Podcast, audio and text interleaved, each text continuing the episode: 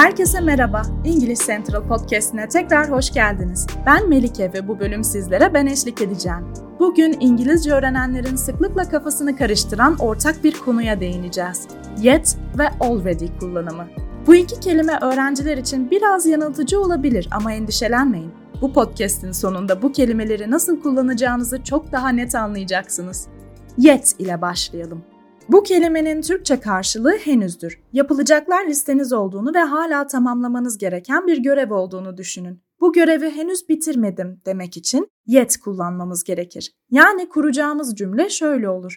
I haven't finished that task yet. Yani yet şu ana kadar gerçekleşmemiş bir şeyden bahsetmek için kullanılır. Gelelim already'ye.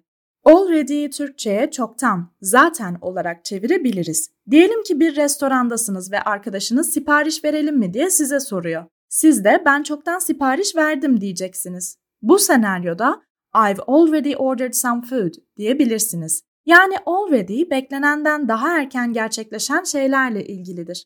Şimdi biraz daha detaylandıralım. Yet, olumsuz cümlelerde genellikle bir şeyin o ana kadar gerçekleşmediğini ancak daha sonra gerçekleşmesinin beklendiğini belirtmek için kullanılır. Örneğin, I haven't eaten dinner yet.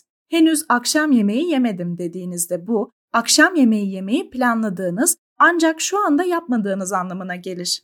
Buna ek olarak yet soru cümlelerinde de kullanılır. Ödevini henüz bitirmedin mi? Yani have you finished your homework yet diye sorduğunuzda ödevin şu ana kadar yapılıp yapılmadığını bilmek istediğiniz anlamı çıkar. Yet ile sorulan olumsuz sorular biraz yanıltıcı olabilir. Henüz yemek yemedin mi? Yani haven't you eaten yet sorusuna bakalım. Aslında bu soruda şu ana kadar böyle bir şey gerçekleşmediği için kişinin bir an önce yemek yemesini öneriyorsunuz. Öte yandan already genellikle olumlu cümlelerde bir şeyin beklediğimizden önce gerçekleştiğini vurgulamak için kullanılır. I have already visited that museum.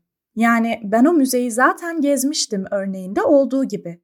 Aynı yet gibi already de soru cümlelerinde kullanılabilir. Örneğin have you already finished your book sorusunda kitabın düşündüğünüzden daha erken bitip bitmediğini merak ettiğiniz anlamı çıkar.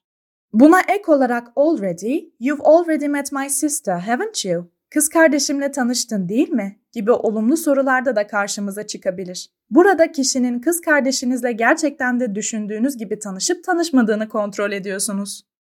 Bunu daha da açıklığa kavuşturmak için bazı örneklere bakalım. Arkadaşlarınızla saat 7'de bir film gecesi planlıyorsunuz. Saat 6.30 ve arkadaşınız arayıp hazır olup olmadığınızı soruyor.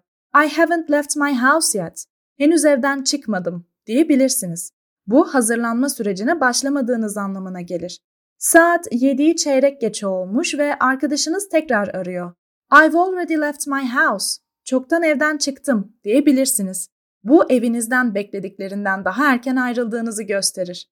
Özetle yet, bir şeyin şu ana kadar gerçekleşmediğini ancak daha sonra muhtemelen gerçekleşeceğini gösterir already bir şeyin beklenenden daha erken gerçekleştiğini vurgular. İşte bu kadar kolay.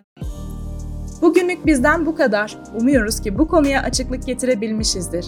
Daha fazla bilgi için www.englishcentral.com adresini ziyaret edebilir veya English Central uygulamasını indirebilirsiniz. Ayrıca metin kutucuğundaki linke tıklayarak English Central'a ücretsiz bir şekilde kayıt olabilir, ücretsiz deneme dersinizi planlayabilir ve 20 binden fazla video içeriğine erişim sağlayabilirsiniz.